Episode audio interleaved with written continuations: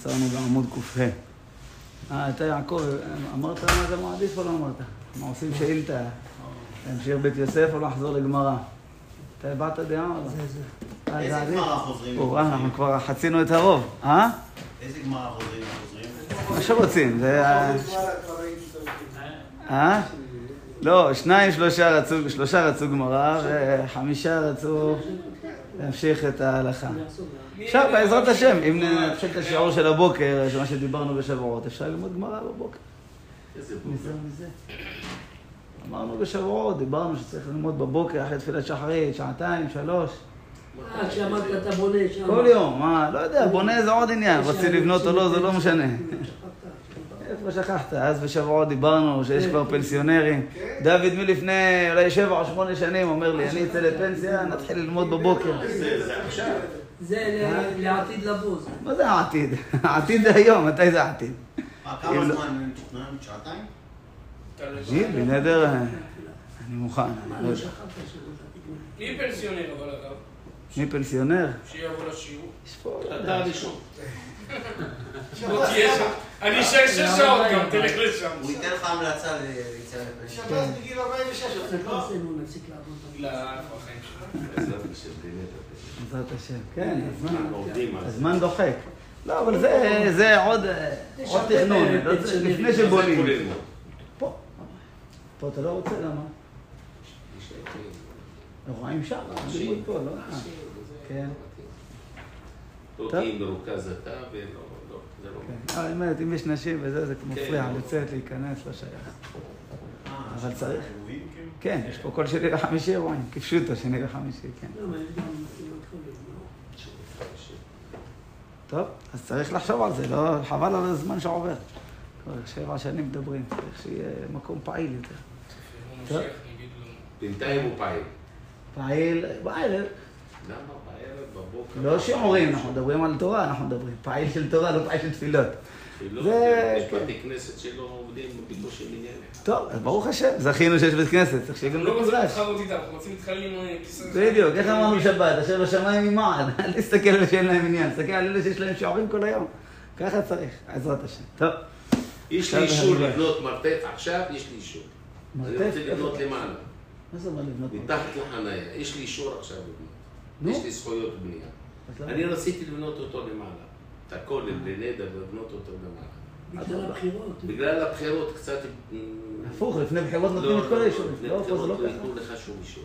אה, שלא יגידו שוחד. בנתיבות זה אחרת, נראה לי. הפוך, לא, שלא יגידו מה, חמי אומר לי, לפני בחירות תמיד הוא בונה, ככה אף אחד לא אומר כלום. אתה יודע, עשה שם, בעלות, ראית מה עשה? בעלות. בית כנסת שם ב- בזאב, נו. עשה את המרתף, גמר אותו לגמרי.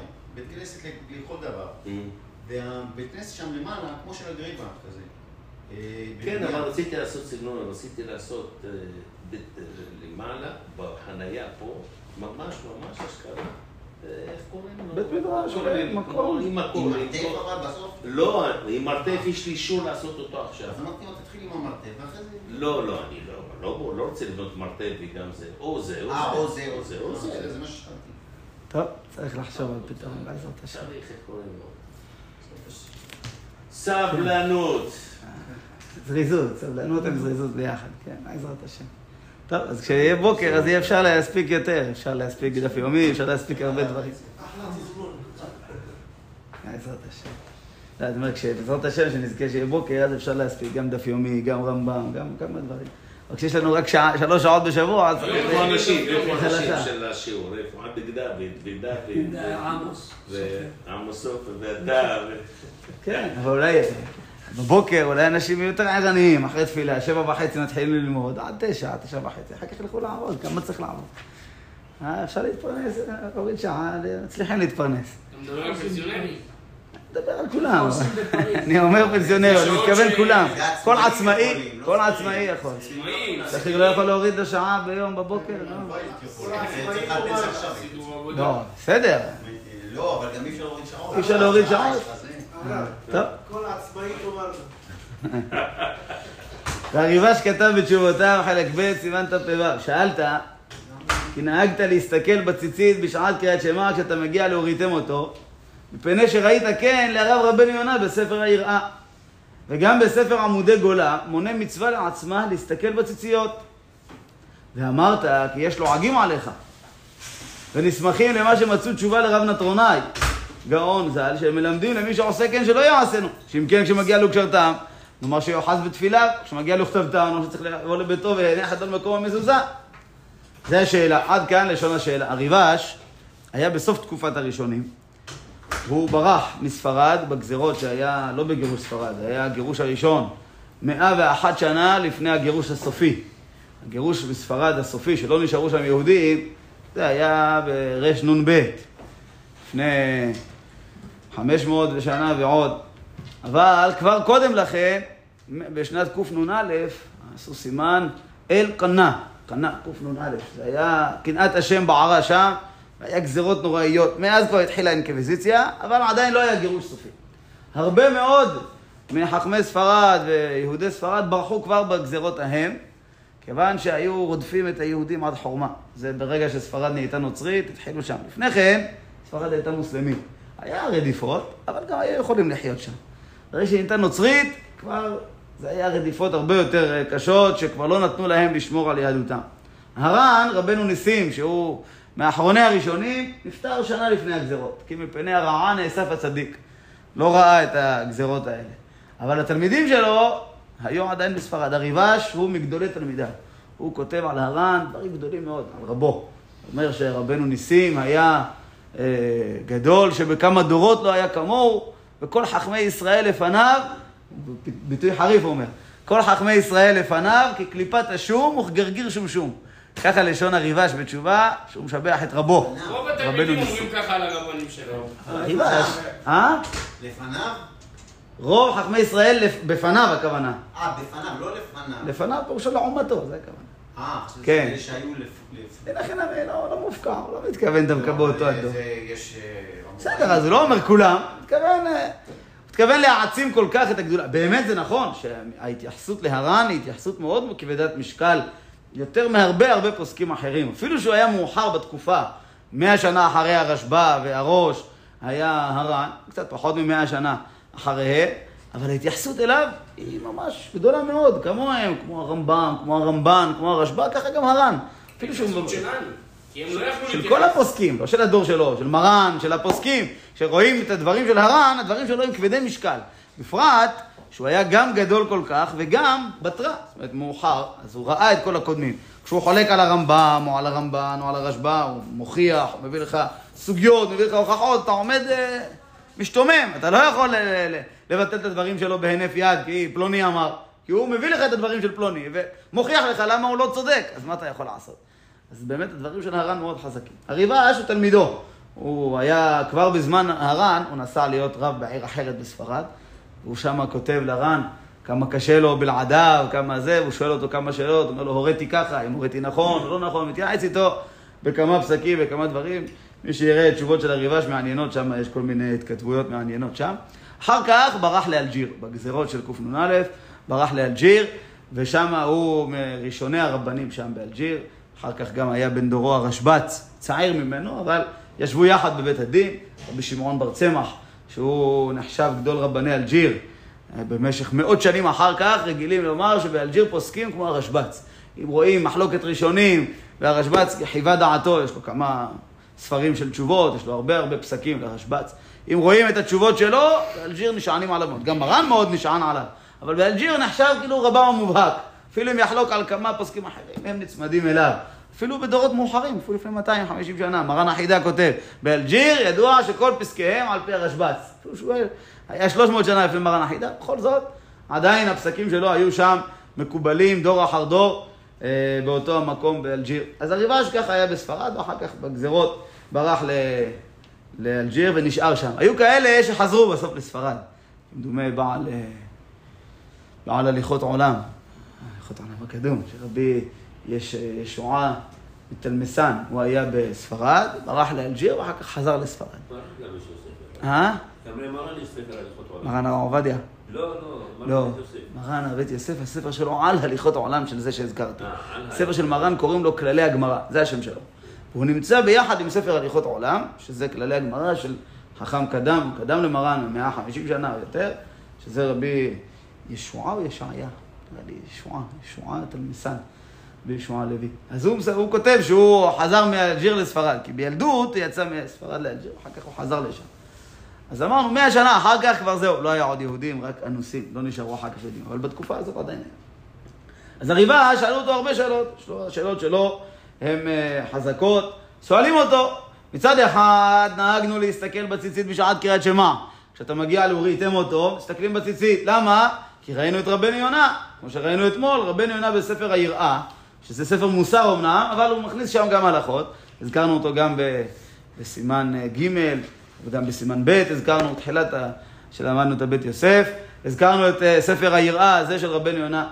אז הוא כותב שמה, אתה מגיע להוריתם אותו, תסתכל בציצית, וגם בספר עמודי גולה. ספר עמודי גולה זה שם שכבר לא משתמשים בו היום. זה היום קוראים לו סמק, לא רק היום, גם לפני 700 שנה קראו לו סמק. הטור אף פעם לא קרא לו עמודי גולה, הטור כותב ספר המצוות. ספר המצוות, לפעמים זה הסמג, ספר מצוות גדול, לפעמים סמק, ספר מצוות קטן. אבל הסמק לא קרא לספר שלו סמק, קרא לו עמודי גולה.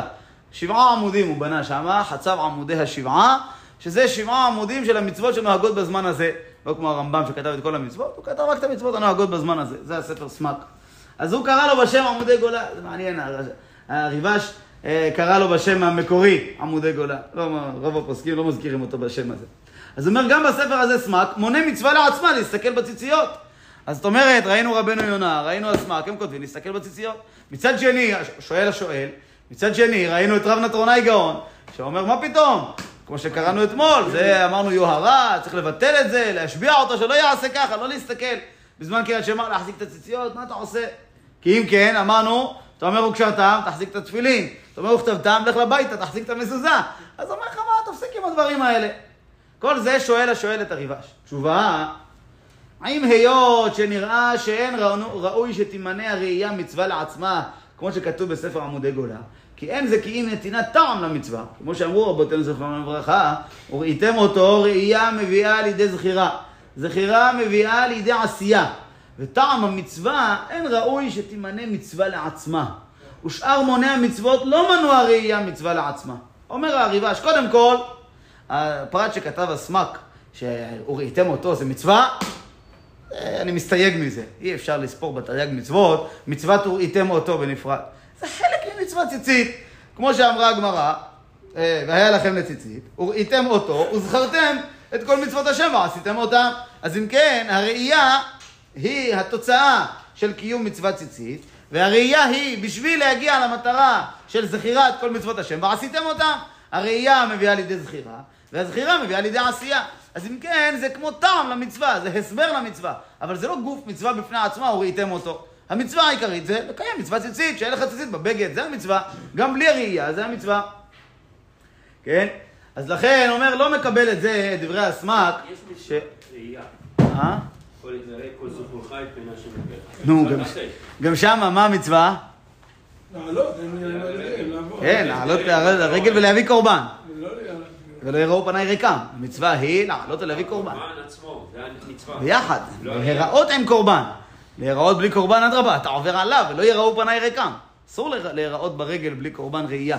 עולה, קורבן עולה. חוץ מהשלמים, חגיגה, חוץ מקורבן פסח, חוץ משלמי שמחה. חוץ מכל זה יש לך עולת ראייה. ככה מתחילה מסכת חגיגה. הכל חייבים בראייה, חוץ מנשים ועבדים וקטנים וכולי. כן, אז אה, הכל חייבים בראייה. מצוות ראייה. זה שמה, אה, גם שמה זה לא מצווה ראייה, אלא יראה. כן? מצווה להיראות, לא מצווה לראות. אמנם הגמרא בחגיגה עושה מזה דרשות, יראה, ייראה, אה, למע- למעט סומא וכולי. אבל בפשטות המצווה היא יראה כל זכורך, לא יראה. הגמרא אומרת, אה, כתיב קרינן יראה, אבל כתיב יראה. אז אפשר לדרוש את זה גם בלשון לראות, אבל הפשט להיראות. אז אומר פה, וראיתם אותו, זה לא מצווה לעצמה, אלא זה טעם, המצווה לציצית. אז אם כן, לא שייך למנות את זה מצווה לעצמה. ועוד טעם, הוא אומר גם, מונע מצוות, לא הרמב"ם שמנה את המצוות, ולא רב סעדיה גאון שמנה את המצוות, ולא בהג שמנה את המצוות, וההולכים בעקבותיו, רבי שלמה בן גבירול, ורבי יצחק בר ראובן, כל מוני המצוות לדורותיהם, לא מנו, וראיתם אותו כמצווה, מתרי"ג מצוות בפני עצמה. אז לכן, את הפרט הזה הוא לא מקבל.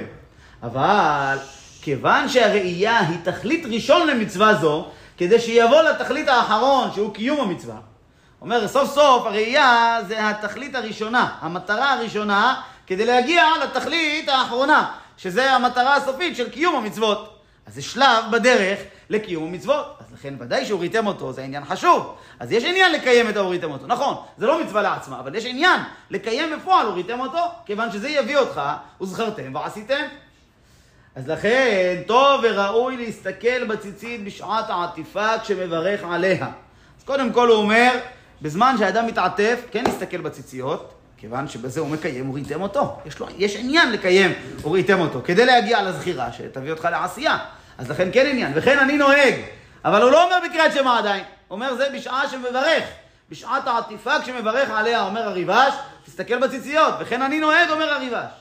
ואתה שנהגת להסתכל בה בשעת קריאת שמע כשאתה מגיע להוריתם אותו, אל תניח מנהגך. כי מנהג יפה הוא, וחיבובי מצווה הוא. אפילו אומר הריבש, אפילו שאני לא נוהג בזה, אבל עדיין זה מנהג טוב. למה? זה חיבור מצווה. בשעה שאתה מזכיר את המצווה, הוריתם אותו, לקיים את זה בפועל. אז לכן אדרבה, אל תעזוב, אל תפסיק מהמנהג שלך, זה מנהג טוב. וכן היה נוהג מורי החסיד הרב רבי פרץ הכהן, זיכרונו לברכה.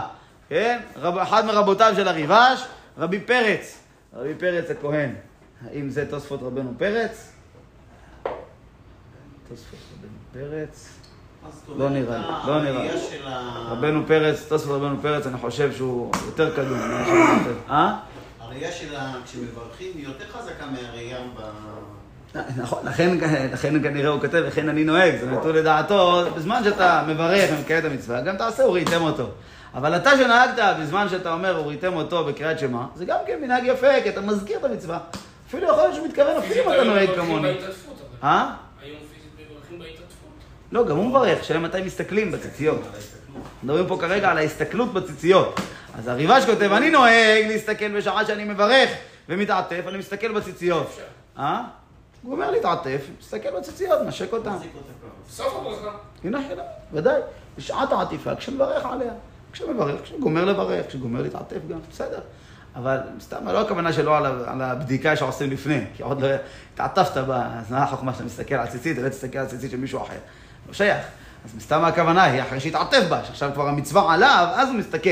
זה הכוונה, בשעת העטיפה. הכוונה היא בזמן של העטיפה, ולא... כשמחזיקים אותה ככה, ציציות משתול שלו, מסתכלים עליהם. אז עוד לא, עוד לא עטף, עוד לא התעטף. אה, אז תסתכל על ציצית בארון, מסתבר לו מה שלא זה הכוונה. אלא בשעת העטיפה הכוונה היא כשגמרת להתעטף. כשמברך, הכוונה שגמרת לברך. תסתכל עליה. כן, גמרת להתעטף, תסתכל על הציציות, נשק אותן. כנראה זה הכוונה שלו. וכן, אבל אומר, אתה נהגת בקריאת שמע, זה גם כן מנהג יפה, חיבור מצווה. וכן היה נוהג מורי החסיד, הרב רבי פרץ הכהן. ומה שהקשו, עכשיו הוא מתייחס לקושייה של רב נטרונאי, ומה שהקשו שאם כן, יעשו כן בתפילין. אה, רב נטרונאי הקשה, אם אתה מסתכל בציצית בהוריתם אותו, אז תסתכל בתפילין, תמשמש בהם, כשאתה אומר וקשרתם.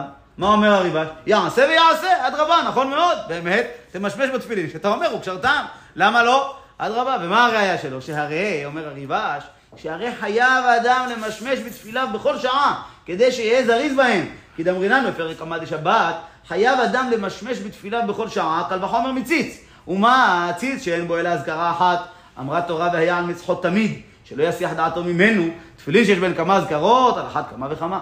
אומר הריבש, הרי יש מצווה למשמש בתפילין כל הזמן. כל כמה דקות תמשמש בתפילין. הגמרא אמרה את זה, למדה את זה קל וחומר מהציץ. בציץ כתוב, והיה על מצחות לא תמיד, לרצון להם לפני השם. אה? ביד ובראש. כן, מצווה. אומר, הגמרא אומרת את זה, חייב אדם למשמש בתפילה בכל שעה. כתוב תפילין. מה זה נכון, תפילין למעלה, כדי שלא יסיח דעתו מתפילין. שכל הזמן נזכור שהתפילין עליו. לאורך כל תפילת שחרית, עשו פטנט. כתבו בסידור למעלה את המילה תפילין. למה? כדי שכל עמוד שאתה מדפדף, אתה רואה תפילין מולך. כל דקה אתה הופך דף, אתה רואה תפילין, ואז אתה זוכר כל הזמן את התפילין. אמנם יש מחלוקת ראשונים, בעזרת השם, שנגיע עוד מעט בהלכות ציצית, נראה מחלוקת ראשונים, מה זה הגדרה של היסח דעת בתפילין? אסור להסיח דעת. מה פירוש אסור להסיח דעת? האם באמת כל רגע ורגע צריך לחשוב ולזכור שתפילין עליך, או יש ראשונים אחרים שסוברים שמספיק שאתה לא מקל ראש. להיות עם תפילין ולפטפט, לדבר וכולי, זה נקרא היסח דעת. אתה כביכול יוצא מהכבוד של התפילין לעניינים אחרים, של חולין. אבל לזכור שהתפילין עליך, אם אתה עוסק בתפילה ובפסוקי דה זמרה וקריאת שמע, אפילו שעה שלמה לא חשבת על התפילין, לפי דעתם אין בזה איסור. מחלוקת ראשונים. תחילה, משתדלים להחמיר בזה, לכן כתבו את המילה תפילין בראש כל עמוד, כדי שתזכור כל הזמן, גם במשך התפילה גם במשך אה, פסוקי דה זמרה או קריאת שמע, כן, חוץ מתפילת שמונה עשרה, שם לא, אל תחשוב על תפילין, לא שום דבר, תחשוב רק על התפילה ולפני מי אתה עומד. אל תסיח דעת מהתפילה, אל תחשוב על תפילין. אתה צריך להיות מרוכז בשמונה עשרה, אה? גם שם. גם שם כתוב, בשביל החזרה כנראה. כן. בשביל החזרה. כנראה ככה, בשביל החזרה. כי ב-18 לא, לא מפסיקים לה- באמצע 18 לחשוב על אף פעם תפילין. לא שמתי לב. שמה, שכתוב תפילין למעלה, כנראה אתם סידורים שלא כתוב. אני לא יודע איזה סידור אתה מתפלל. הרבה פעם הרב אמר שאנחנו היינו רגילים להשם שבתאי דקה לפני נשקים. הרב הרב אמר הרב שצריך להגיד לפני. כן, במנהג של הסבא מרן יש מצליח היה, זה עניין אחר. בגלל שאנחנו, ברוך שאמר, מחזיקים את הציציות. למה ברוך שאמר מחזיקים את הציציות? כי הציצית זה בחינה שקשורה לעולם היצירה, ושם אתה מתחיל להיכנס לעולם היצירה. ואחר כך, בתחילת יוצר, משמשים תפילין של יד, כי שם אתה נכנס לעולם הבריאה. תפילין של יד, בחינה שלהם בעולם הבריאה. ואילו תפילין של ראש, הבחינה שלהם בעולם האצילות. ותפילת שמונה עשרה גם כן בעולם האצילות. אז לכן היה ראוי שבתחילת תפילת שמונה עשרה את תפילין של ראש. מצד שני, אתה מתפלל, אתה לא יכול אה, לעשות משהו אחר באמצע התפילה. אז היה מנהג כזה ש... שלפני שאתה מתחיל, אה, לפני שאתה אומר ברוך אתה השם גאל ישראל, לפני שאתה אומר ברוך, תמשמש תפילין של ראש, ואל תעזוב אותם עד שתתחיל את התפילת שמונה עשרה, שתשתחווה, ואז בעצם בתחילת התפילה כבר משמשת בתפילין של ראש. אבל ראש הישיבה אחר כך כמה שנים, אני חושב שקצת אה, שינה ממה שמור אביב היה עושה, ואמר, משמש רגע לפני וזהו, לא צריך להיכנס עם זה לתוך התפילה, בשביל העניין הזה שאמרנו, שתפילת שמונה עשרה לא תהיה עם שום דבר אחר אה, צדדי. תפילת שמונה עשרה צריך להיות בריכוז מוחלט. הלוואי שהיינו מתפללים ככה כולם, שכל התפילה שמונה עשרה יהיה לך ריכוז מוחלט. זה מה שמונע מ- מריכוז? אז, אז אתה מבין, מי שבאמת התפילה שלו מאה אחוז בריכוז, אז כן, מה אתה נוגע במשהו אחר? אבל מה אתה- לפעמים- מה אתה מתעסק במשהו אחר? לא משהו אתה אחר. התחלת תפילת שמונה עשרה, אסור למושש? שב ואל תעשה עדיף. לא, לא באמצע שמונה עשרה תיגע, שלא... עדיף בשמונה עשרה להיות רק בתפילה ולא בשום דבר אחר. כמה חשוב הכוונה בתפילה, נבין מזה דברים כאלה שנראים לנו שוליים. אדם באמצע שמונה עשרה מזיז, אפילו לא מדבר חלילה מי שמסתכל בפלאפון. מזיז את הפלאפון מפה לפה, מרים את הסידור, מניח את הסידור, לא- מזיז דברים לידו, אה, לפעמים מסתכל הצידה, מי נכנס, מי זה, אנשים, יש היסח דעת. זה דבר נורא. תפילת שמונה עשרה צריך להיות מרוכז, מרוכז, מרוכז. היו חכמים שמתפללים בזריזות כל כך גדולה, כדי שלא יהיה להם היסח דעת. מעדיפים להתפלל שמונה עשרה בשלוש דקות, כדי שיצליח. שלוש דקות שלא יהיה שום אה, תזוזה של מחשבה. אם הוא יתפלל חמש דקות, כבר יכול להיות שהראש שלו יזוז למשהו. כן, כל אחד לפי עניינו. באמת יש חכמים שכתבו ככה, עדיף להתפלל כמה שיותר מהר, בשביל שתצליח שהתפילה שלך תהיה מרוכזת מתחילה ועד סוף. זו עבודה קשה, זה לא דבר פשוט. אפילו בגמרא כתוב על חכמים שהיו באמצע התפילה, פתאום קופץ להם איזה תירוץ, איזה קושייה, איזה משהו בלימוד שלמדו. זה לא בסדר, אבל זה מציאות, זה ככה בכל הדורות, זה לא דבר, זה דבר שאדם צריך לעבוד עליו, ולעבוד ולעבוד. פעם הרב עמר סיפר, עם אריזה שבית יוסף היה באמצע התפילה, חיכה לו, חיכה לו. לאחר מכן סימן לה שהציבור תתחיל. הבין אנשים, עוד לא גמר את התפילה. אז הרב כאן אין לו כבר, לאחר מכן הוא שאל, הוא התעסק באיזו שאלה שהייתה לו, כן. זה כבר לא שייך לתפילה, תמשיך. כן. אל תחכה. היה סיפור שהרב עמר סיפר פעם על חכם אחד שעשה שאלת חלום מי יהיה חבר שלו בגן עדן, מי יישב לידו בעולם הבא. אה? זה לא, עמר סיפר על חכם, חכם ממרוקו. ואז אה, אמרו לו שם של מישהו. הלך להכיר אותו, לתהות על קנקנו, בדק. ראה שאדם פשוט, אה, אין בו- אין בו שום דבר מיוחד. מה? אני כל ימיי אעמל בתורה, במעשים טובים, בחסד, בכל, וזה יהיה החבר שלי שמה. אז הוא שאל אותו, מה המעשים שלך? תגיד לי, מה? כלום, אני אדם פשוט. עד שאמר לו, אני גוזר עליך בכוח התורה, שתגיד לי מה, מה המעשים שלך. אז הוא אמר לו, כשאני מתפלל תפילה, לפני השם יתברך, כל תפילה ותפילה, מיום עומדי על דעתי, מעולם, מתחילת התפילה עד הסוף, לא חשבתי שום מחשבה אחרת. אם ככה, חלקך יהיה חלקי. הלוואי שאני אזכה לשבת לידך בעולם הבא. זה מספיק בשביל כל ברכה לא-. לא לנשום משהו. יש כאלה שאמרו דברים כאלה, אבל זה יכול לגרום לאדם הפוך הסח דעת. יש כאלה שאמרו, כל ברכה תגיד אותה בנשימה אחת, זאת אומרת שלא יהיה לך הסח דעת. אבל זה יכול לגרום לאדם הסח דעת, עצם זה שהוא חושב על זה. לא- כל אדם ימצא לעצמו פטנט, קשה לומר פטנט כולל אני.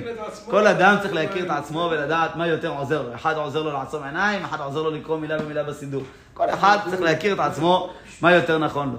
אבל זה, זה ש- לא. מה לא הולך? ניסיתי מגן אברהם, אחר כך ממשיך, אה, נכנס כל העולם. בסדר, נכנס מיד תחזור. החוכמה היא גם לא להתייאש. אדם נכנס למחשבה אחת, אז זהו, תפילה לך. לא הלכה בכלל. אפילו במודיעין נזכרת, אפילו בשים שלום נזכרת, לפחות תרוויח ששים שלום תהיה בכוונה. אדם, זה החוכמה. לא בגלל שחשבת משהו, אז תתחיל עכשיו לחשוב איך קרה לי שחשבתי, ואז פתאום תמצא את עצמך עוד כמה ברכות קדימה. מיד שקרה, ששמת לב, שאתה אה, חשבת מחשבה אחרת, מיד, בלי לחשוב שום דבר, תחזור בחזרה לתפילה ולאיפה שאתה נמצא ותמשיך הלאה. אז לכן- יש סידורים שכותבים על הנוסע של הברכה, אז זה נוח כזה. כוונת הלב, כותבים לפני כל ברכה. כן, נגיד בכונן הדעת, שנבין, שיהיה... צריך שזה נושא, אתה קורא, אתה מבין עברית מה זה. כן, אבל זה...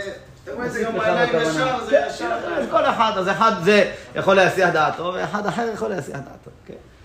אז לכן כל אחד צריך לאמוד את עצמו ולראות איפה, ה... איפה הדבר היותר עוזר לו לכוון. העיקר שהכוונה בתפילה. אז לכן אמרנו, חייב אדם למשמש בתפילה בכל שעה. בגמרא כתוב שכל זמן וזמן אדם צריך למשמש בתפילה ולזכור שיש תפילין עליו. למדו את זה, קל וחומר מציץ. בציץ כתוב, והיה על מצחו תמיד, לרצון להם לפני השם. מה זה על מצחו תמיד? וכי אסור לו להוריד בכלל את הציץ בכל זמן? הכוונה היא שכל זמן שהוא על מצחו, שיזכור וידע שהוא על מצחו, שלא יסיח דעתו לרגע מהציץ שנמצא על מצחו של כהן גדול. אומרת הגמרא, קל וחומר. ומה בציץ יש אזכרה אחת, שם השם אחד. מה כתוב על הציץ? קודש להשם. קודש להשם. כמה אותיות זה? אה, שמונה אותיות, זהו, זה מה שכתוב בציץ. יש מחלוקת איך בדיוק כתוב השמות האלה על הציץ, כי אם תכתוב שתי שורות, אז שם השם יהיה כביכול למטה, מתחת המילה קודש, לא מתאים. אז יש שאומרים שכתוב קודש לה השם, כן? זה אמנם בשתי שורות, אבל הקודש לה מימין בשורה התחתונה, ושם הוויה למעלה בשורה העליונה בצד שמאל. שזה לא נקרא השם קודש לה, אלא קודש לה השם, אתה עולה למעלה. ויש אומרים שהכל בשיטה אחת. כאילו, ו"ק, כאילו? כן, כן, כן, ודאי, קודש להשם, כמו שכתוב בתורה. פיתחת עליו פיתוחי חותם, קודש לאדוני. מה שכתוב בתורה עושים שם. אז אם כן, הציץ, יש בו שם השם אחד. והתורה מזהירה והיה על מצחו תמיד, כמו שהסברנו שהכוונה היא שצריך שלא יסיח דעתו מהציץ. אומרת הגמרא, קל וחומר לתפילין, שיש בהם כמה וכמה אזכרות. יש לנו שם ארבע פרשיות, וכל פרשה כמה וכמה שם השם. אז לכן אדם צריך שלא יסיח דעתו מתפילין. אז כיוון שראינו שאדם חייב למשמש בתפילה בכל שעה, אומר הריבש, אם ככה מה אתה מקשה? מי שאמר שעל המנהג הזה שנוהגים ב"וראיתם אותו להסתכל בציציות", מה הוא מקשה לך? אם כן, גם כשאתה מגיע לאוקשרתם, תמשמש בתפילין. הוא אומר, פשיטה, נכון, באמת צריך למשמש בתפילין הרבה יותר מזה, לא רק באוקשרתם, אלא יותר מזה, אז גם באוקשרתם תמשמש בתפילין. אז זה, קושייה הזאת לא מקבל אותה הריבש. ואם כשמגיע לאוקשרתם, לאוקשרתם אותם ממשמש בהם, כל שכן שהוא מנהג יפה. אם ראינו שיש עניין למשמש תפילין בכל שעה, כל שכן שאתה מזכיר את מצוות תפילין, גם באוקשרתם, גם בבהיה, אוקשרתם אותם לאות על ידכם, וכל זה, בשני המקומות האלה, מצווה למשמש בתפילין. כיוון שבלאו הכי מצווה למשמש בכל שעה. אז כל שכן שאתה מזכיר את המצווה של התפילין בקריאת שמע, שתמשמש בתפילין. דרך אגב, וקשרתם אותם לאות על ידכם. הרבה פעמים שומע אנשים שטועים ואומרים ידיכם. זה ממש שינוי משמעות, הוא לא יצא ידי חובה. אה? ידיכם פירושו ידיים שלכם. ידכם, יד שלכם. אף אחד לא שם תפילין על שתי ידיים, לא שייך. כן? וקשרתם אותם לאות על ידכם. חשוב מאוד לשים לב שהדלת הזאת תהיה שווה נח. זה ממש משנה את המשמעות. ידכם או ידיכם משנה את המשמעות. כשהישיבה פעם סיפר, אמר, היה חזן אצלנו בסליחות, מבוגר, שהוא היה, עלה אחרי הסליחות גם לשחרית.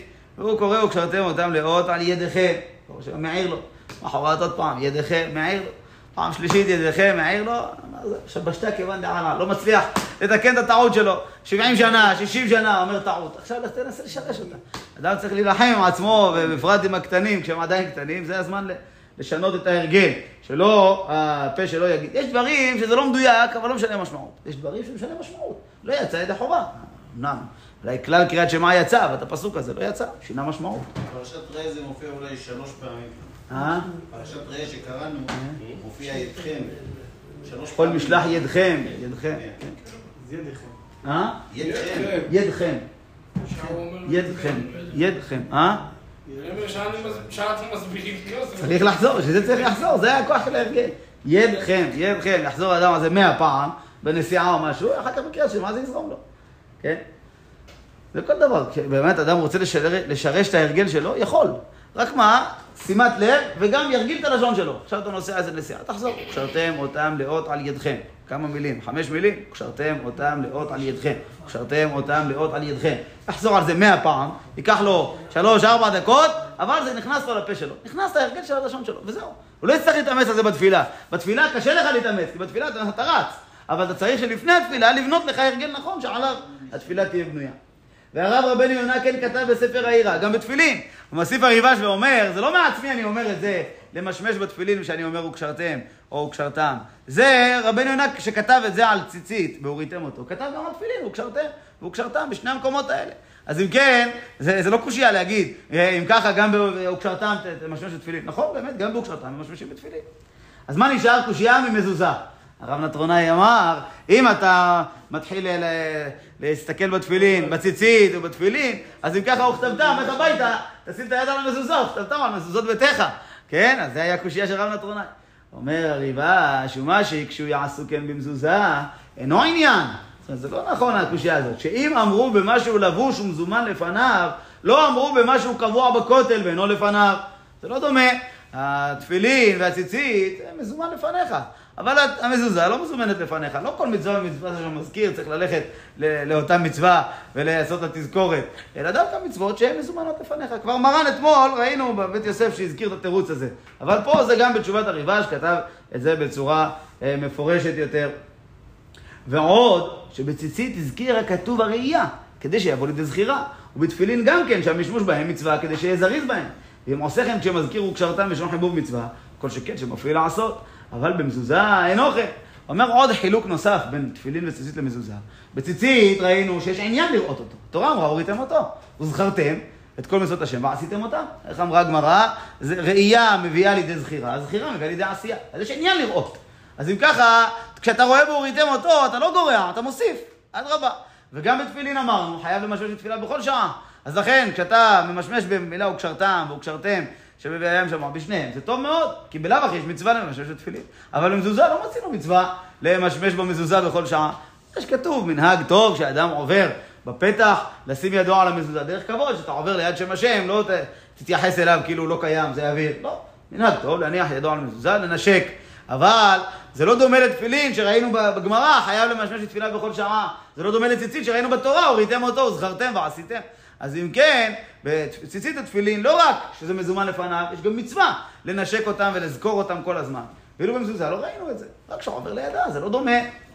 ולכן מסיים הריבש, אחוז במנהגך אל טרף, והמלעיגין עליך בזה לא יפה הם עושים. זאת אומרת, השואל שאל האם להתייחס לאלה שמקטרגים ומלעיגים או לא להתייחס, אומר לו לא. המנהג שלך הוא טוב ונכון, ולהסתכל בציציות כשאתה אומר וראיתם אותו, וגם כן אה, בתפילין וקשרתם וקשרתם בשני המקומות, ולכן אדרבה תמשיך את המנהג שלך. אפילו שהריבש עצמו, כמו שראינו קודם, לא נהג בזה בציצית, הוא רק נהג שהוא בשעה שהוא מתעטף, הסתכל בציציות. וראיתם אותו, לא נהג. בכל זאת, הוא אומר, המנהג הזה מנהג טוב, וטוב לעשות אותו. אז היום כבר כולם נוהגים במנהג הזה בעקבות האריכות הזאת של הבית יוסף, שדחה מכל וכול את השיטה השנייה שאמרה לא לעשות את ההסתכלות הזאת בקריאת שמע. וכתב הרם מריקנט בסוף פרשת שלח לך. למה אנחנו בערבית לא עושים את זה? אה? למה בערבית לא עושים את זה? כי ערבית זה לא זמן ציצית. ערבית, אתה מתפלל בלילה. זה שיש עליך ציצית, תשאל, למה יש עליך ציצית בלילה? זה בכלל שאלה. כן, אבל לבוא ולנשק את הציצית בערבית, כשאתה בכלל, זה לא זמן ציצית, זה תמוה. זה לא זמן ציצית, למה. למה תנשק? אפילו בכיפור, שכולנו עם טליתות, בערבית, לא. הוריתם אותו, תתחיל לנשק, זה לא זמן ציצית. נכון, אנחנו שמים ציצית בשביל, אמרנו, יראת שמיים וכיפור, אבל מכאן ועד לנשק את הציציות, כאילו זה זמן של המצווה, זה לא הזמן של המצווה, זה שני דברים שונים. באמת, היה מנהג כזה בזמן הגאונים, שהיו מתפללים ערבית קצת מוקדם, מיד בשקיעה, ולא היו חולצים עדיין תפילין. היו מקפידים להישאר עם תפילין, היו אז עם תפילין כל היום. היו, מתי חולצים את התפילין? לא לפני ערבית, אלא באמצע קריאת שמע, שהם גומרים פרשת וים שמוע, מגיעים למען ירבו ימיכם וכולי, כי ימי השמיים על הארץ, שם חולצים את התפילין. ויאמר השם ממשיכים בלי תפילין. למה? כדי שלא להגיד את שתי הפרשיות הראשונות של קריאת שמע בלי תפילין. אתה אומר וקשרתם לאור ואתה בלי תפילין? אז מכיוון שהם היו עם תפילין כל היום, לא היו מורידים אותו בין מנחה לערבית. מורידים אותו אחרי שתי פרשיות ראשונות של קריאת שמע, באמצע תפילת ערבית, שם זה המקום שהיו חולצים תפילין. ככה היה מנהג פשוט בזמן הגאונים, ככה גם כנסת הגדולה היה נוהג, אה? לא, אפילו קצת אחרי השקיעה. ככה נהגו, כן. גאונים כתבו אפילו אחרי השקיעה. אבל רבנו ארי הזהיר שמיד בשקיעה לחלות תפילין ולא להישאר עם זה אפילו דקה אחר כך. מי מי אמר את זה? רבנו ארי. ככה היה מקפיד אה. מיד, כן, לפני תפילת הערבית. אחרי מנחה, לפני הערבית הוא כבר היה חולץ תפילין. כן. לכן בתעניות, זה שיש לנו תפילין, חולצים מיד בשקיעה, לא מחכים עם זה. וכתב הרם מריקנט, רבי מנחם מריקנט, או ריקנט, איך קוראים לעיר הזאת באיטליה היום? ריקנטי או ריקנטי? ריקנט. יש יין כזה. ריקנטי. משפחה. יש עיר כזאת באיטליה. של משפחת, משפחת רקנה. לא ריקנט. לא, לא ריקנט. ריקנט זה העיר. אז זה השאלה, ריקנט או ריקנט? כן. כי יש, למה אני שואל? כי יש, כמדומה... גוגל. אה, אתה בודק איך מנקדים את זה היום. לא, מעניין, כי באמת, אה, אני שואל על העיר, לא על המשפחה, העיר באיטליה.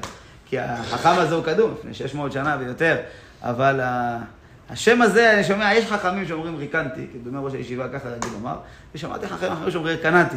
אז אמרתי, האם הם אה, מסורת ככה, או שבעקבות היקב הם התרגלו לומר את זה גם... הבית של שופרסל. ואיך היו קוראים לו? ריקנטי. איזה עדה הוא? הוא יווני אולי, אולי. יווני. אולי. המקור שלו מאיטליה. כן, כן, זה עיר של באיטליה. הבנקים שהיה כן, ברוך. אני חושב, היה הבית. הכל התגרש. אז הוא רבי מנחם, רבי מנחם הזה מריקנט, הוא היה מקובל גדול בכמה דורות לפני מרן, לפני בערך 650 שנה באיטליה. תקופת חכמי ספרד הקדומים, יש לו חיבור על התורה, ושם הוא בעיקר הדברים שלו הם על פי דרך הקבלה, אבל לא קבלה של רבנו ארי, כי הוא קדם לו, קבלה קצת שונה, סגנון שונה, הסגנון שלו קצת שונה, אבל עדיין זה מהמקובלים הקדמונים בדור שאחרי הרמב"ן. יוון. מה יוון? הם באו מיוון. לאור- משפחה. כן. אז למה קראו להם רקנטי ביוון? בגלל שהמקור שלהם עיר אחרת, זה הראייה. כמו שמשפחת אשכנזי, בדרך כלל זה יהיה ספרדי. כן, ודאי, כי אם לא, למה יקראו להם על שם עיר באותו מקום? כולם שם. המשפחה לקוח מהעיירה רקנטי אשר במזרח איטליה. ואיך מנקדים את זה? לא, אין לא, אין ניקוד. טוב. יש באנגלית. אה? הידועה גם כאן. אה, יש לך א' אחרי הנון. ריקנטי, יש גם אי אחרי כריקנטי. איך? אה, נקדו כך וכך? כן. שזה מנוקד. באנגלית זה... ידועה זה- גם כריקנטו. לא, רקנטי. אחרי ההר, אחרי ההר יש אי. לא, אבל אחרי זה הוא הר יש גם בסדר, אז זה. כן. השאלה היא הנון בכמה? ריקנט או ריקנט? וריקנטי. רקנטי. טוב, בסדר, הלאה. C-A-N-A-T. אחרי ה-N יש A. אחרי ה-N יש A. באיטלקית רקנטי. אני אישית. בסדר, אז נתרגל, רקנטי. לא, לא. טוב. אז הוא כתב הרב מנחם מריקנט, בסוף פרשת שלח לך, כשמסתכל בציצית, אז מסתכל בשתי ציציות שלפניו, שבהם עשרה קשרים, רמז להוויות. עד כאן לשונו. ואני שמעתי עוד, מוסיף מרן הבית יוסף, שכל אחד מהציציות יש בו חמישה קשרים ושמונה חוטים, כמניין אחד. כשמחבר שני ציציות שלפניו, להסתכל בהם, עולים כ"ו כמניין שם הוויה. אז אם כן, יש לנו פה את רבי מנחם מריקנט שכותב שמסתכל בשתי ציציות שלפניו. פה מרן לא מזכיר את העניין לאסוף ארבע ציציות. זה נדבר על זה כשנגיע. שמה. שולחן ערוך זה האחרונים, אה, על פי הקבלה הוסיפו ארבע ציציות, אבל הפשט בשולחן ערוך, בית יוסף, שתי ציציות שלפניו. שניים. גם בקריאת שמע נהג רק שניים. כמו כל דעת מרן, מעניין. העולם נוהגים ארבע, כולם. בדבר הזה כולם עושים כמו המקובלים.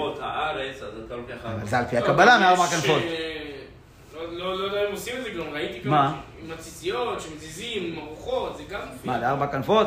עושים את זה אולי ב- בסוף, לעד ולעולמים העולמים, שעושים ככה, זה... כן. לא כן, זה ראש הישיבה בה- הביא לזה יש רמז. לזה כיוונים. למה, למה עושים את זה? ראש הישיבה מזכיר את הסיפור שהגמרא מביאה במסכת מנחות, שהיה אחד שהיה מקולקל, שהיה כל...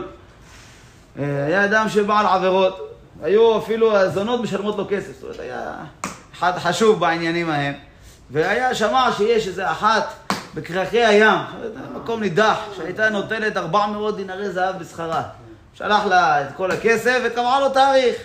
הגיע אצלה, וכשפשט את בגדיו, טפחה לו ציצייתו על פניו. היה לו ציציות. היה לפחות שומר משהו, היה לו ציציות. טפחו לו ציציות על פניו, נשמט וישב על הקרקע, נזכר. ציצית? זה לא סתם.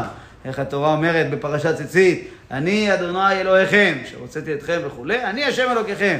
אני השם אלוקיכם, נאמן להיפרע מעוברי עבירה, ונאמן לשלם שכר למקיימי מצווה ונזהרים מהעבירה.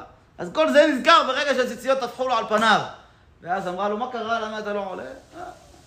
אמר, מה, מצאת בי איזה מום? אמר לה, לא, מעולם, נשבע לה שמעולם לא ראה מושלמת כמוה. אבל יש לנו מצווה ציצית, וכרגע הציצית הזאת זה עדים, שהזכירו לי שהשם יתברך הוא, הוא לא מוותר על שום דבר, הוא נאמן לשלם שכר ונאמן להיפרע. אז התגבר, עזר לו הציצית הזאת, כנראה בגלל שהוא היה זהיר, מצווה ציצית, ושמיים נתנו לו גם כוח להתגבר בעבירה במקרה כזה קשה. שמע, שמעה את זה, היא גם נפעמה, הייתה גויה, אבל היא קיבלה את זה בזעזוע, עד כדי כך, אדם יש לו אה, אפשרות להתגבר, היא יודעת מה זה, כל העולם נכשלים אצלה, זה, יש לו ככה כוח להתגבר, ועוד שילם הרבה מאוד כסף. אז כשהוא הלך, היא ביררה את שמו ואת שם עירו, איפה הוא גר, מאיפה הוא בא, הלכה והתגיירה, שילמה, הייתה עשירה גדולה. שליש מהממון של, שלה שילמה למלכות, שלא יעשו לו בעיות שהיא תתגייר. היו אז הרומאים, מה, איך היא תתגייר? אז שילמה, שיחדה את כולם, שלא יפריעו לה. שליש מהממון שלה נתנה למלכות, שלא יפריעו לה להתגייר. ושליש פיזרה לעניים, לכפר על כל מה שעשתה, ועוד שליש לקחה איתה ועלתה לארץ ישראל, בררה אצל המקום, הגיעה לאותו מקום, אמרה לרב, אומר רבי חייא, אמרה לו, אני רוצה את התלמיד הזה. אמרה לו, מה יש? סיפרה לו את הסיפור. אז הוא אמר, קידש אותם, חיתן אותם, ואמר, לך זכה במקחך. אותם, אומרת הגמרא, חוץ מכל הממון, הכל מכרע, חוץ מהמיטות, היה לה מיטות מיוחדות, עם שש סולמות בכסף, וסולם העליון של זהב. שם מיטה על מיטה, עולים במדרגות עד שמגיעים לגברת הזאת, הכל היה מכסף טהור, ולמעלה מיטה של זהב, משהו מיוחד במינו. את הכל מכרה, את זה לא.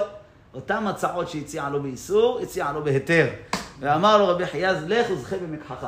אומרת הגמרא, זה שכרו בעולם הזה, זה פירותיהם. שקיבל גם את האישה הזאת, זכה להתחתן איתה, וגם אה, עושר גדול שקיבל ממנה, ולעולם הבא, עין לא ראתה. זה כל, זה רק אה, פירות. פירותיהם בעולם הזה. שכר של התגברות על העבירה, זה לא דבר פשוט. ודאי שהקרן קיימת לעולם הבא. אז לכן, היו, יש מנהג כזה שככה עושים הציציות על הפנים, זכר לאותו דבר, הציציות טופחות על הפנים של האדם, מזכירות לו. נאמן לשלם שכר ונאמן להיפרע מעוברי עבירה, אדם צריך לזכור שהוא עושה את זה לא סתם כמנהג אבותיו בידו, אלא להיזכר מה, מה הוא עושה, מה המשמעות של הדברים האלה. אז פה רבי מנחם מריקנת כותב, כשמסתכל בציצית, אז בשתי ציציות יש עשרה קשרים, כאילו כל ציצית יש לנו חמישה קשרים. כמובן, חמישה כפולים, אבל כל אחד אנחנו חושבים אותו כאחד, כדי שיהיה קשר של צריך קשר על קשר. יש לנו חמישה, חמישה קשרים כפול שתיים, עשרה קשרים, רמז להוויות. איזה רמז להוויות? מה יש לנו?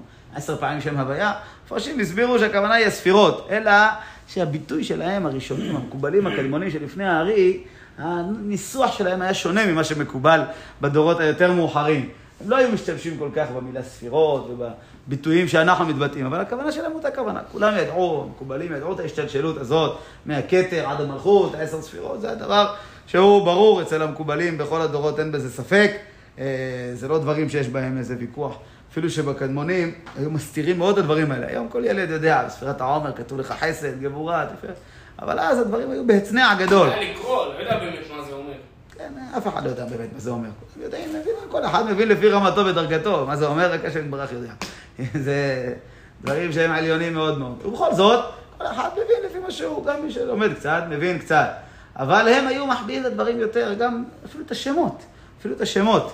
יש בתשובות הגאונים, היו, כתבו את זה בצנע, ברמז, לא היו כותבים את זה בכלל.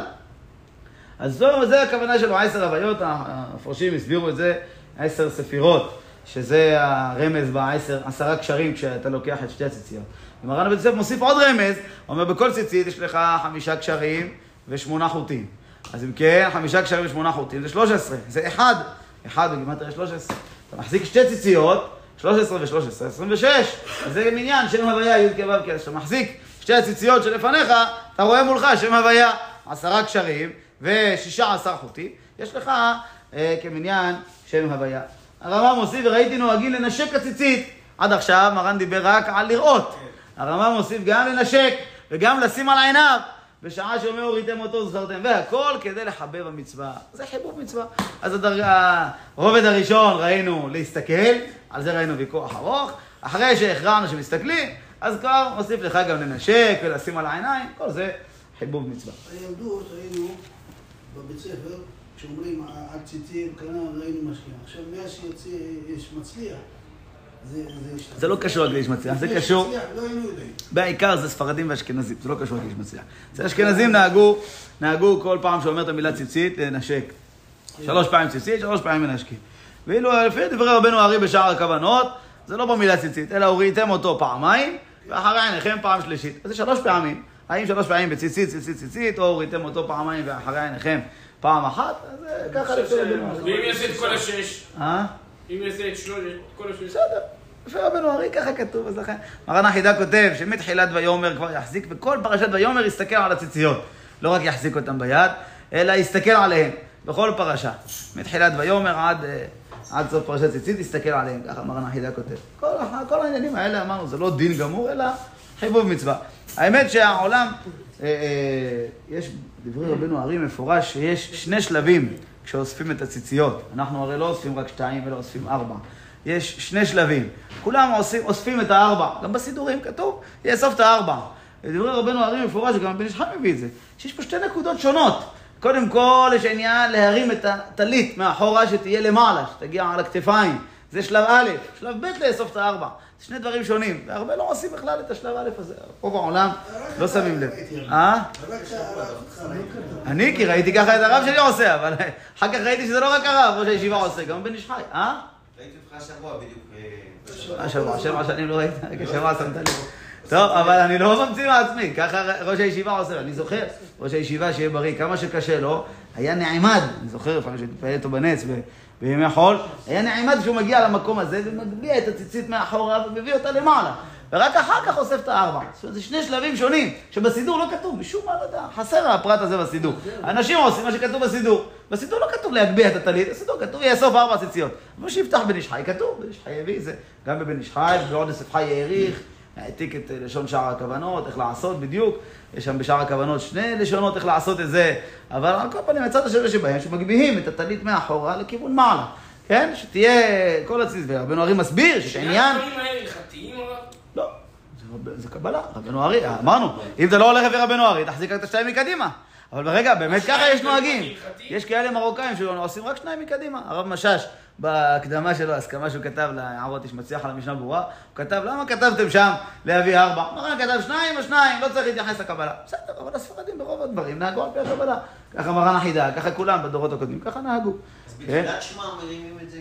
לפני, כשמגיע מהר ויבא עלינו, שמה מרים אותם למעלה, את שתי הכנפות האחוריות, מביא אותם, שיהיו כולם, יבואו לפה, מפה יבואו כולם, ולא יישארו מלמטה ורק יאסוף את הארבע. ואחר כך גם יאסוף ארבע. זה שתי נקודות שהם שני שלבים. רבנו ארי מסביר שהעצם זה שמקבל, שמביא את השתי כנפות האחוריות מקדימה, זה עניין בפני עצמו. הוא לא מחבר את זה עם הארבע. הוא רואה בזה עניין בפני עצמו, והוא מסביר על פי הסוד את ההערה שנעשית באותה פעולה, באותו הזמן. יש בזה עניין שלפני קריאת שמע, להביא את כל הכנפות מקדימה. לא כמו כל התפילה שיש לנו שתיים מקדימה ושתיים מאחורה. טוב, גדולה מצוות ציצית, ממשיך רבנו הטור, אתם רואים בק"ה למעלה. גדולה מצוות ציצית ששקולה כנגד כל המצוות. דכתיב וראיתם אותו וזכרתם את כל מצוות השם. ציצית עולה תר, 600.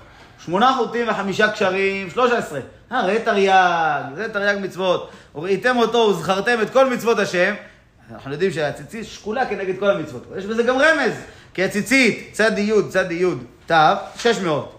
תוסיף לזה עוד את החמישה קשרים ושלוש, ושמונה חוטים שיש בכל כנף, כנף אחד, לא סופרים את של כל הכנפיים, זה כבר יוצא לך 613, שזה תרי"ג מצוות. אבל יש פה קושייה, אף על פי שהוא כתוב חסר י', בתורה לא כתוב ציצית מלא, כתוב ציצית חסר. מפרש בתנחומה, שלוש פעמים כתיב ציצית בפרשת ציצית, ואחד מיני הוא לציצית, שדה למד לכול הוא והיא משלמת המניין. אומר, מביא מדרש, הטור מביא מדרש, שכתוב, נכון שכתוב ציצית, צדי י', צדי ת'. בתורה לא כתוב ציצית עם י' אחרי הצדי השנייה, רק י' אחרי הצדי הראשונה. אז אם כן, זה לא 600, זה 590. אז אומר נכון, אבל כתוב, ועשו להם ציצית, אחר כך אה, נתנו על ציצית הכנף בטיל תכלת, פעם השלישית, והיה לכם לציצית. אז הלמד הזאת, 30. אז עשר לציצית הראשון, עשר לציצית השני, עשר לציצית השלישית. יש כאלה אומרים תירוץ אחר, תירוץ פשוט, שהמדרש לפי, לפי הקריא, לא לפי הכתיב. נכון שאתה כתוב ציצית, ציצת, לא כתוב את היוד השנייה, אבל הקריא ציצית, כאילו כתוב יוד. לפעמים דורשים את החסר מלא ואת המלא חסר, בתור רמז אין בעיה. אז לכן, יש לנו פה שתי אפשרויות. מרן מביא שזה ברייתא בפרק התכלת, וראיתם אותו וזכרתם את כל מצוות השם, שקולה מצווה זו כנגד כל המצוות כולה. פרש רש"י, שקולה מצווה זו מדכתיב את כל מצוות השם. ועוד ציצית בגימטרייתה וחמישה כשלוש שמונה חותים הרי תרי"ג. זאת אומרת, יש פה שתי נקודות. נקודה אחת, הציצית, החשיבות שלה, הכוח שלה, שקול כמו תרי"ג מצוות, גם בלי הרמז. דבר שני, יש פה רמז. לא שהרמז הוא המגלה שהציצית שקולה כנגד המצוות, לא. התורה אמרה, וראיתם אותו, וזכרתם את כל מצוות השם. אז אם כן, הציצית שקולה כנגד כל מצוות השם. אבל בנוסף, יש גם רמז, שני שלבים, זה לא אחד, זה לא שהרמז הוא המגלה. מסיים רבנו הטור, רבי שמעון בן יוחאי אומר, כל הזהיר במצוות ציצית זוכה ורואה פני שכינה, כתיב אחר וראיתם אותו, וכתיבתם את השם אלוהיך תירא ואותו תעבוד. כן? יש פה כאלה שהביאו פסוק אחר, וכתיב התם לראות את פני השם אלוקיך. כן? אז הוא מביא פה דרשה. אה, וראיתם אותו, כתוב על הציצית. אבל הלשון ראייה מופיעה גם לגבי עלייה לרגל, שם כתוב שלוש פעמים בשנה ייראה כל זכורך, או לראות את פני השם אלוקיך. אז אם כן, הראייה, ראיתם אותו, דורשים מזה גזירה שווה. רבי שמעון בר יוחאי דורש שזה מזכיר את הראייה שכתוב בעלייה לרגל, כביכול לראות את פני השם. אז לכן אדם שזהיר במצוות ציצית, זוכה ורואה פני שכינה. ריש לקיש אמר, כל הזהיר במצוות ציצית זוכה שמשמשים לו שני אלפים ושמונה מאות עבדים, שנאמר, אשר יחזיקו עשרה אנשים מכל לשונות הגויים, ויחזיקו בכנף איש יהודי וגומר. לקיש אומר, אדם שזהיר במצוות ציצית, זוכה לאלפיים ושמונה מאות עבדים. כמות גדולה, איפה תשים את כולם? איך, איך הוא מגיע, איפה הוא לומד את זה? אומר, פירש רש"י, הפסוק אומר בזכריה, לעתיד לבוא, אשר יחזיקו עשרה אנשים מכל לשונות הגויים, ויחזיקו בכנף איש יהודי. כנף איש יהודי, מה זה? זה הכנף של הציצית. עשרה אנשים מכל לשונות הגויים, כמה לשונות גויים יש? כמה אומות? שבעים אומות. עשרה אנשים מכל לשונות הגויים, זה אומר שבע מאות אנשים. החזיקו בכנף איש יהודי, על כנף אחד לך שבע מאות. ארבע כנפות בציצית, אלפיים שמונה מאות עבדים תפוסים בך, כן? ופרש רש"י בכנף איש יהודי, בשכר הכנף, יחזיקו בכנף עשרה אנשים מכל לשון, הרי שבע מאות לשבעים לשון. וארבע כנפות יש לו, הרי אלפיים ושמונה מאות. וכתוב בנימוקי יוסף, וזה מפני שיכירו בזמן ההוא כמה גדולה מצווה זו, והיא שהגנה עלינו בגולה ומביאה אותנו לחיי העולם הבא. אומר הנימוקי יוסף, זה לא סתם העבדים האלה. הם יבינו כמה המצווה של הציצית, העתיד לבוא, מלאה הארץ דעה את השם. הדברים יהיו בהירים, ברורים. לא רק תראה אותם כתובים בספר ותאמין, אלא אתה תראה אותם עין בעין, אתה תראה שזה ככה זה. אז כיוון שיראו כמה גדולה וחשובה ויקרה המצווה הזאת, מצוות ציצית, אז כולם ירוצו להיות דבוקים ביהודים האלה שזוכים למצווה הגדולה הזאת. מה תעשה עם כל הגויים האלה? יש אומרים שלא צריך שיגורו אצלך בבית, הם יגורו בסין, יגורו בכל מיני מקומות, אבל אה, כל הדברים שלהם יש לא לך. יהיה נוכרי בארץ. אה? לא יהיה נוכרי. בעולם בכלל? בארץ. נו, מי אמר שהם יגורו בארץ? יגורו בסין, ישלחו לך את הכסף שלך כל חודש, את כל ההכנסות שלהם. 2,800 עבדים, זה נראה לי שהם מכניסים הרבה כסף, לא תצטרך לעבוד. העיקר העיקרים, כן? לא תצטרך לעבוד, זה העיקר. אתה יושב ועוסק בתורה, ואתה שואל ממה תתפרנס? ועמדו זרים ורעו צונכם, ובני נכר עיקריכם וחורמכם. כן, זה פשוט, לא תצטרך לעבוד, לא תצטרך כלום, 2,800 עבדים. והכל יסתדר. אה? מה הם צריכים? לאכול וזה, יהיה להם מתוך הפרנסה שלהם חלק מסוים, תקדיש להם לאכילה, והשאר הכל הולך אליך, אתה לא תצטרך לעבוד וגם לא, לא תראה מחסור. וכל המבטל מצוות ציצית, עליו נאמר לאחוז בכנפות הארץ וגומר, יש שמה אה, דבר של אה, קללה, דבר לא טוב. אז לכן צריך אדם להיזהר כמה שיותר לזכות לקיים את המצווה היקרה הזאת. מסיים הטור בכל עת יהיו בגדיך לבנים, זו מצוות ציצית. ושמן על ראשך, על יחסר, זו מצוות תפילין. הגמרא בסוף מסכת שבת מביאה את הפסוק בקהלת. בכל עת יהיו בגדיך לבנים, ושמן על ראשך, על יחסר. הגמרא אומר רבי אליעזר דורש, מה זה בכל עת יהיו בגדיך לבנים? הכוונה היא תמיד תצטרך תבדוק את הבגדים שלך, בגדים זה בגדים רוחניים של הנשמה שהם נקיים, שאין בהם איזה כתם. בכל עת יהיו בגדיך לבנים, תבדוק את עצמך כל הזמן שאין לך חלילה איזה סרח אפילו של עבירה. הגמרא דורשת דרש נוסף, מה זה בכל עת יהיו בגדיך לבנים? זה הציצית. ושמן על ראשך אל יחסר, זו מצוות תפילין. מה הקשר? למה זה נקרא שמן?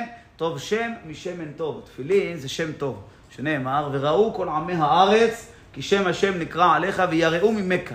מה זה ראו כל עמי הארץ, כי שם השם נקרא עליך? רבי אליעזר הגדול אומר, אלו תפילין שבראש. יש עליך תפילין של ראש, כולם מפחדים ממך, יש, יש להם יראה ממך. אז זה שם טוב, טוב שם משמן טוב. אז לכן, שמן על ראשך ליחסר זה התפילין. נסיים הטור, אולי נעצור כאן, נשאיר דווקא את השורות האחרונות. גם כשיורד טוב, אה? גם כשיורד טוב טוב, הלכת לעבודה, עדיין ירא ממך, עדיין נמצא... נשאר הרושם, הרושם של התפילין נמשך לכל היום כולו, נכון מאוד. העילה סגולה. אה? העילה סגולה. הילה, כן, היום כבר, היום, בגלל, ש... ציבור צבאי. בגלל שהאמונה נחלשה, אז הקדוש ברוך הוא נותן לאנשים לראות את זה ממוחש, נכון? יש מכשיר שמודד הילה לפני הנחת תפילין או אחרי הנחת תפילין, הילה אחרת לגמרי, רואים את זה, דברים ידועים, מפורסמים, הרב זמיר בספרים שלו, בדרשות שלו, מספר את הדברים. היום הכל רואים, אה? ראיתי את זה שעשו על הרב מרדכי אליהו. שמה? שהוא מניח מניח את התפילין והזה, יש לו הילה. ולפני התפילין הילה אחרת, כן. כן, ידוע ככה. כן, יש דברים, יש כאלה שהיו רואים אותם, החלבן היה רואה את הדברים האלה. גילו את זה. הם גילו את ההילות? כן, סתם, הם מגלים בשבילנו, זה חלק מהעבדים, מ-2800 עבדים. הם עושים את העבודות שלנו, במקום שאנחנו נבזבז הזמן על מחקרים, הם באים ומבינים את התוצאות של המחקר, ואנחנו אה, שומעים ונהנים. ברוך ה' לעולם, אמן ואמן. אתה מתכנן לנו סיום? או ש-